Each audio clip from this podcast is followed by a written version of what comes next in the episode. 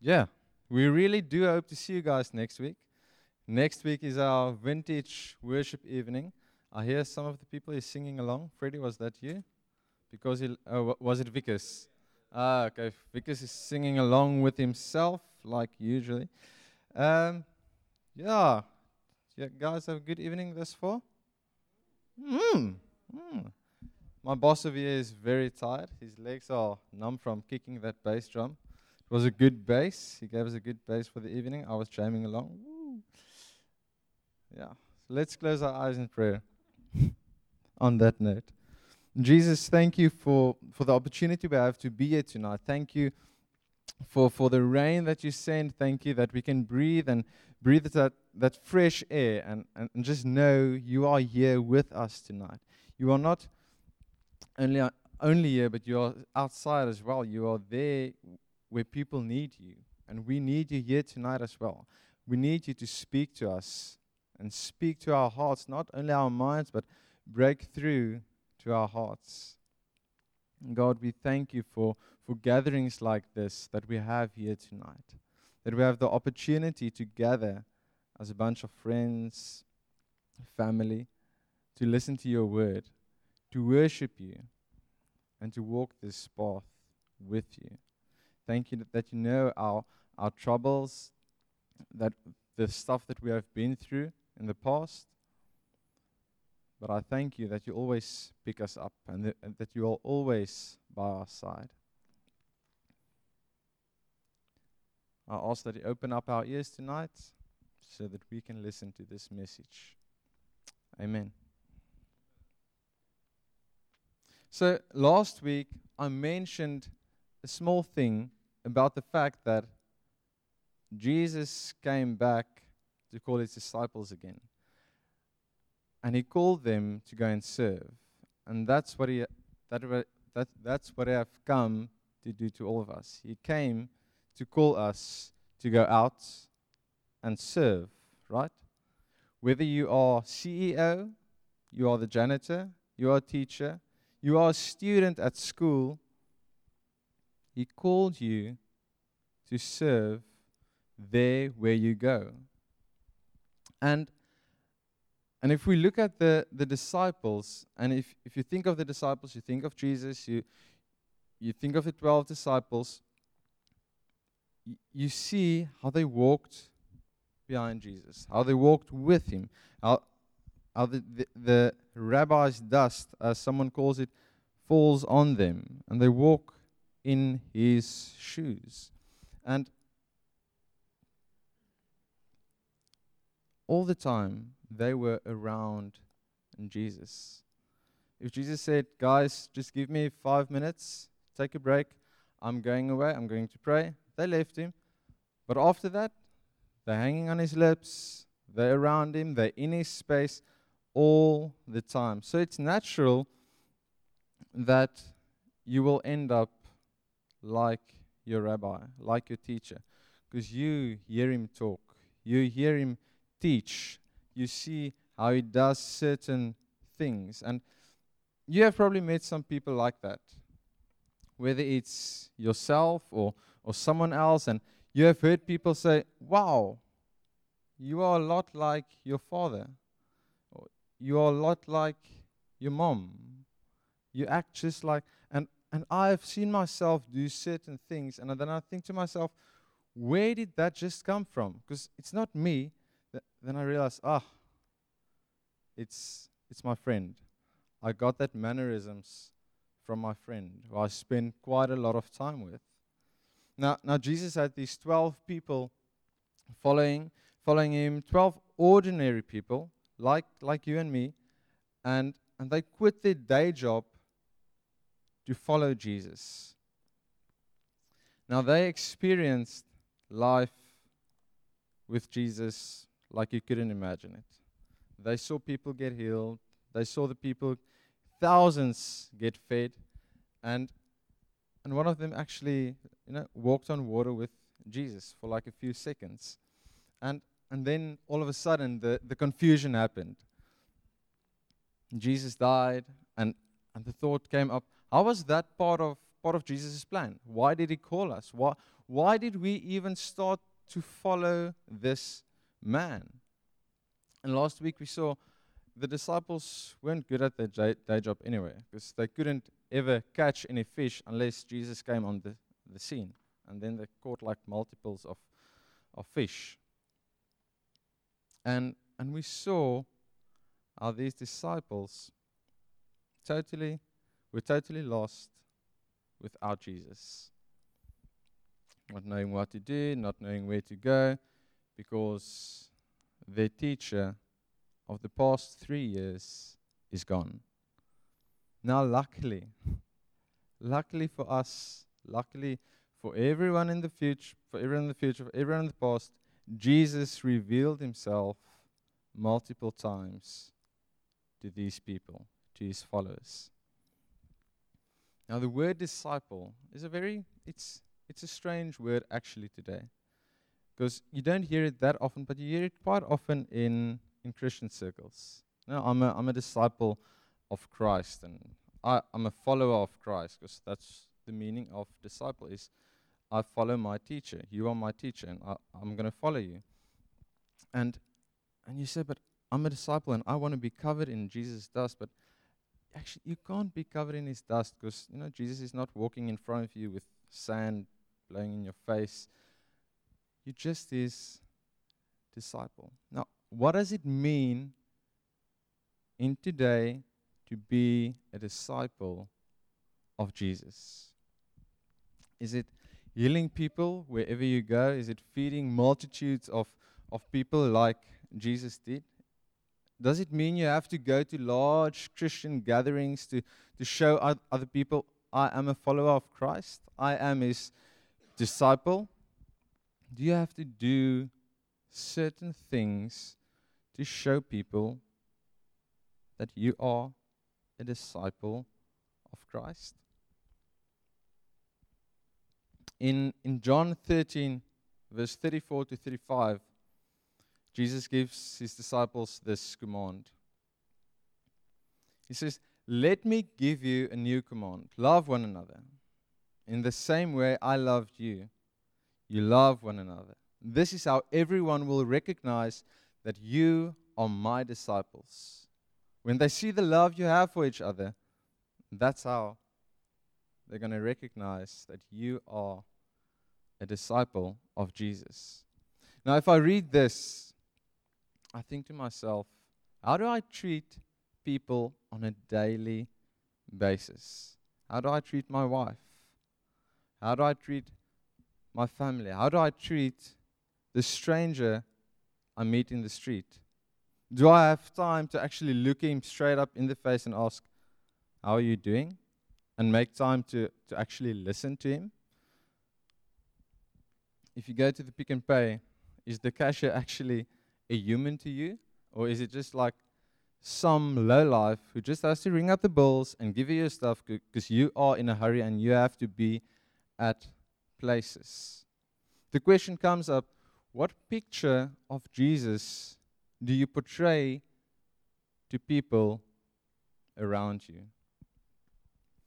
It's easy to say, I am a disciple. I am a follower of Jesus with a nice smile on your face. But what picture are you truly portraying of Jesus? Matthew 5, verse 14 to 16. And if you haven't got enough of it over there yet, I'm going to read it to you now. Here's another way to put it You're here to be light, bringing out the God colors in the world. God is not a secret to be kept. We're going public with this, as public as a city on a hill. Now, listen to this. If I make you light bearers, you don't think I'm going to hide you under a bucket, do you? I'm putting you on a light stand. And now that I've put you there on a hilltop, on a light stand, shine and keep open house. Be generous with your lives. Be by opening up to others. You'll prompt people to open up with God, this generous Father in heaven. Jesus made you his light bearer. Now, for those of you who don't know, as the moon shines, the moon only reflects the sun. And that's all that you have to do. You only have to reflect Jesus. That's all. That's difficult. Jesus made us his light bearers. And the verse says, He's not covering you in a bucket. You're out in the open all the time, every single day, every minute, every hour. People look at you, they see how you act in certain circumstances. Are you shouting? Are you short tempered? Do you act in love? They look at you. If you take a look around you at your week, we all are part of the rat race. We all know the rat race, running around A to B, going to work, doing this, doing that. But in this, we are supposed to reflect Jesus. We are supposed to reflect who Jesus has shown us to be. Now, I love, I love it when this rat race slows down. Evening comes, sitting around the table, so, well, sometimes, and we just enjoy each other's company. We talk about the day, talk about life in the future, and enjoy the food. And I've realized something that nowadays it's not that easy to get people to slow down. It's not that easy just to say, hey guys, uh, can we come drink a cup of coffee like in five minutes? No, you, you can't do that. You have to schedule like a week before. You have to say, uh, can we come on in two weeks' time, Monday? Ah, no, we have this and this. And we are so, so busy. We are not fans of slowing down. And, and if you take a look at Jesus and his disciples, they were really big fans of taking it slowly, right? Walking from place to place. Now, I'm sure if there were cars, they would have driven in cars, stopping at certain places. But they were walking, and if they got tired, they would stop, they would rest. If someone invited them in for dinner, they would go in for dinner. If someone asked them to stay the night, they would stay the night. Jesus and his disciples made time for people. And today, we are not spur of the moment people. We have to plan ahead, plan. We grab McDonald's, we grab Kauai after, after the gym session. We eat in our car something because when we get home, there's a lot of stuff to do, right? In this rat race, do you go by and intentionally share the love of Christ there where you go?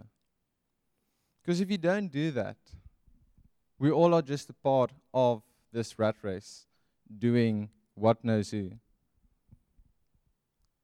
It's going intentionally every single day. No matter who you are, what you do, in this busy life we have, to find moments, small moments every single day, and just say, Ilse, how are you doing? Fred, you look nice tonight, eh? S- small moments, small stuff you do every single day, reflecting who Jesus is, making time for people, and sharing his love. We call ourselves disciples, but we don't have time to slow down. Now, a lot of stuff happens you know, in the years growing up. You get hurt, you get slapped down to the floor, you fall when you try to get up. Your heart was broken quite a few times, and, and in this, you started building this wall around your heart so, so that you won't get hurt again. You know? People not used to tramp on your goodness, on your on your love and your kindness and everything, and and you just can't do that anymore. You can't be kind because every time you are kind, no one no one really cares. It's oh, wow. Thank you. And you prevent yourself from really sharing God's love. You prevent yourself from really receiving the love of Christ. because you might just get hurt. Now, I have this quote from C.S. Lewis. He says, To love at all is to be vulnerable. Love anything, and your heart will be wrung and possibly broken. If you want to make sure of keeping it intact, you must give it to no one, not even an animal. Wrap it carefully around with hobbies and little luxuries. Avoid all entanglements. Lock it up safe in the casket or coffin of your selfishness. But in the casket, safe, dark, motionless, airless, it will change. It will not be broken. It will become unbreakable, impenetrable, irredeemable. To love is to be vulnerable. People, if you call yourself disciples, if I call myself a disciple, it's time to be vulnerable. We walk around with masks, we walk around with brick walls defending us, and we call ourselves disciples. We say we love, but do we really love? If you really want to be a disciple of Christ, you're going to have to unlearn certain things. You're going to have to learn how to love, learn how to actually be vulnerable, and learn how to deal with being heartbroken from time to time. To love the way Christ love, loves is not always, well, it's not easy. His love is unconditional, it's full of grace. His love is real. Now, just on a side note, everybody thinks vulnerable is it's a bad thing. You know, you're a softy, everybody steps on you. But when you're actually vulnerable with a group of friends, you're opening up to them, you're sharing your hurt with them. And you know what? that group of friends, they're not going to laugh at you, they're going to support you. And you're going to feel discipleship. You're going to feel, experience the love of Christ in the moment that you are vulnerable. That's a side note. Christ's love says, Although you are going to deny me three times, I'm still going to the cross for you. I know you're going to deny me. I'm still going to the cross for you. Jesus was the example of being vulnerable. So, disciple of Jesus today, start breaking down the wall. Start taking away those bricks. We have to learn how to be vulnerable. Yes, you are going to be an open target. People will know your hurt. People will know who you truly are. Because you are going to love. You are going to love like Christ wants you to love. People is going to disappoint you. People is going to betray you. But everywhere you go, you're going to shine your light. You're going to be vulnerable. And remember, God didn't just choose certain people to be his disciples, He chose us all. He chose us all to shine His light on this planet. So, my challenge tonight is let's start being vulnerable. You have your friends, you have your family. Be vulnerable with them. Share. This mask that we're wearing all the time, it's time to take it off. Time to break. If you want people to pray for you, don't sit in front of them with a smile and say everything is fine. If you want people to really pray for you, ask them. And I can guarantee you, they will pray for you. They will care. Let's close our eyes.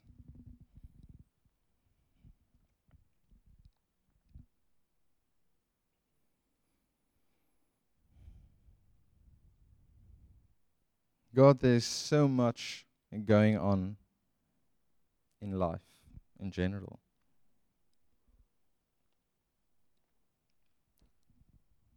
There's so many people who could do what we do.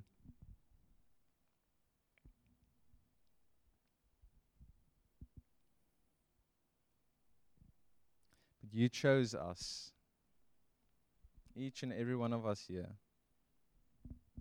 to be your disciples. You called us to serve. You called us to love. You called us to reflect you to a world that needs you. And God, I need you. We need you sitting here in this moment. Speak to us. God, there's so many prayers going up tonight to you. So many hurt over here. And I ask God that we learn to open up to a friend, to a colleague, to family. That we learn to be vulnerable, that we learn what it is to love, to be broken, to be brought down, and just get that community of support around us that you provided us.